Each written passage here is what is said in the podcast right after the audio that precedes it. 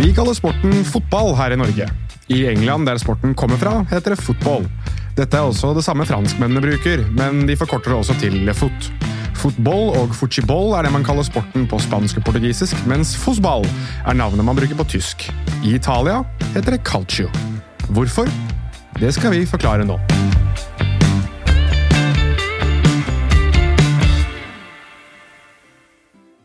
Det er få, om noen annen nasjon i verden som har brakt med seg flere særegne begrep enn italiensk fotball. Begrep man tidvis må være litt sånn indoktrinert i den italienske fotballen for å forstå. Som en slags kodespråk snakker der kun de mest hardbarka en form for aha, jaså, I see you're a man of culture as well, for å komme med en referanse til animeserien Aracabo Under the Bridge. Begrep som Semanlandia, Catenaccio og Calciopoli er begrep vi nok skal innom fotball forklart på et eller annet tidspunkt. Det samme vil nok gjelde litt mer flytende begrep som trequartista, mezzala og bidonde oro. Men for dette blir en sånn slags selvforherligende å, se på meg, se på alle de italienske fotballbegrepene jeg kan-episode, så tenker jeg vi må starte med sjefsbegrepet. Calcio. For snakker du om italiensk fotball, så snakker du nemlig om calcio. Det er selve paraplybegrepet om alt som omhandler den italienske fotballen. Faktisk er det det italienerne selv kaller sporten fotball. Den direkte oversettelsen for calcio er spark, altså et spark er un calcio. Likevel, for italienerne har selve begrepet calcio en dypere og mer historisk mening, som går tilbake enda lenger enn det vi kjenner som den tradisjonelle engelske fotballen. I boken Calcio, A History of Italian Football av John Foot forklares det at i det gamle Italia ble det utøvd en sport kalt calcio fiorentino. Ifølge Foot kan man finne spor av denne sporten allerede på 1300-tallet, og at den ble utøvd både i det 14. og 15. århundre i Firenze. Derav navnet Calcio Fiorentino.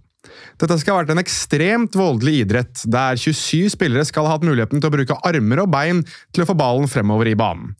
Foot hevder at Calcio Fiorentino, som senere har blitt spilt i en litt tja, mildere og vennligere versjon i Firenze, har veldig lite som minner om den sporten vi i dag kjenner som fotball. Likevel, og her kommer noe av det som ble en av de første virkelig store fotballdebattene i Italia. Skulle det hete calcio, eller skulle det hete football? Det italienske fotballforbundet opplyser selv på sine hjemmesider at de ble stiftet i 1898, og omtaler seg selv som FIGC. Dette står for Federazione Italiana Gioco Calcio. Videre hevder de at det er året for det første italienske mesterskapet i fotball, som den gang ble vunnet av Genoa. Turneringen ble spilt på samme dag, og Genoa, som i dag fremdeles er å finne i det italienske ligasystemet, beseiret klubbene Football Club Torinese, Ginnastica Torino og Internasjonale Torino. Ingen av disse klubbene eksisterer i dag. Likevel, det interessante her er at ifølge hjemmesiden til Den italienske olympiske komité så ble denne turneringen spilt da det italienske fotballforbundet het Federazione Italiana Football, FIF. Dette forbundet ble godkjent av det internasjonale fotballforbundet Fifa i 1905.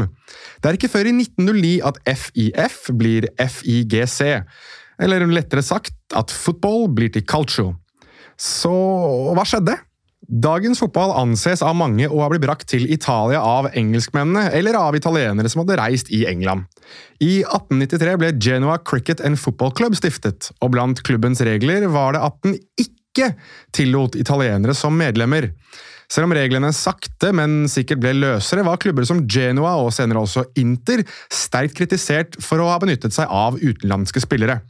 Såpass opphetet ble denne debatten at det italienske fotballforbundet splittet opp ligaen sin i 1908. Der den offisielle ligaen nå kun tillot italienere, så var det en alternativ liga der flere av de største lagene spilte, som kunne benytte seg av utlendinger. Dette konseptet, skriver Foot, ble en voldsom katastrofe.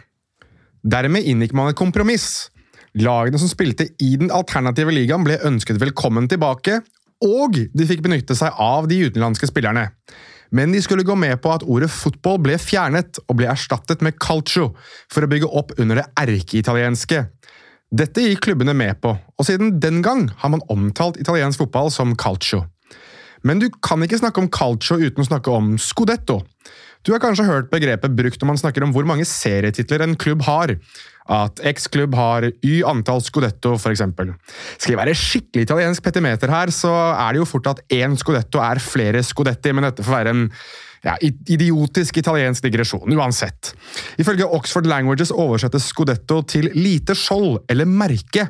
Det fascinerende her er at i fotballsammenheng så gir begge mening.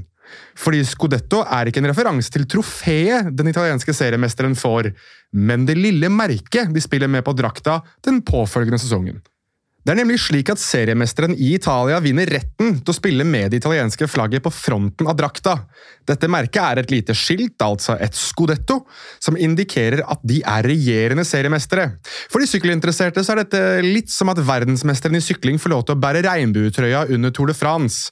Vinner du Serie A, så vinner du retten til å bære scudetto i én sesong. Men hvor kom ideen rundt dette fra? Og hvorfor snakker man mer om et lite merke på drakta enn det faktiske Serie A-trofeet?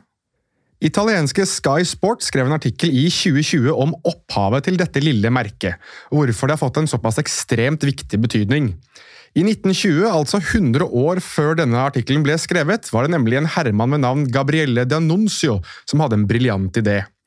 D'Annunzio var en stolt nasjonalist og erklærte området Fiome for italiensk på 1910-tallet. Dette er for øvrig i dag Rijeka i Kroatia. Ifølge historien skal De Annuncio, som var lidenskapelig opptatt av fotball, ifølge nettstedet focus.it, ha arrangert en fotballkamp mellom italienske soldater og lokale lag i Fiume. De italienske soldatene var iført Italias landslagsdrakter, men med én vesentlig endring. Tidligere hadde spillerne som spilte for det italienske landslaget, spilt med et emblem tilhørende huset Savoia, et fyrstedømme som ikke skal ha vært spesielt godt likt i Fiume. De Annuncio byttet ut dette med et trekantet symbol i de italienske fargene. Dette er i dag det vi kjenner som scudetto. De tid i Fiume varte ikke stort lenger enn dette, men hans lille endring hadde inspirert det italienske fotballforbund. I 1924, altså fire år etter Denuncios lille stunt, ble det erklært at emblemet skulle bæres av den regjerende italienske seriemesteren.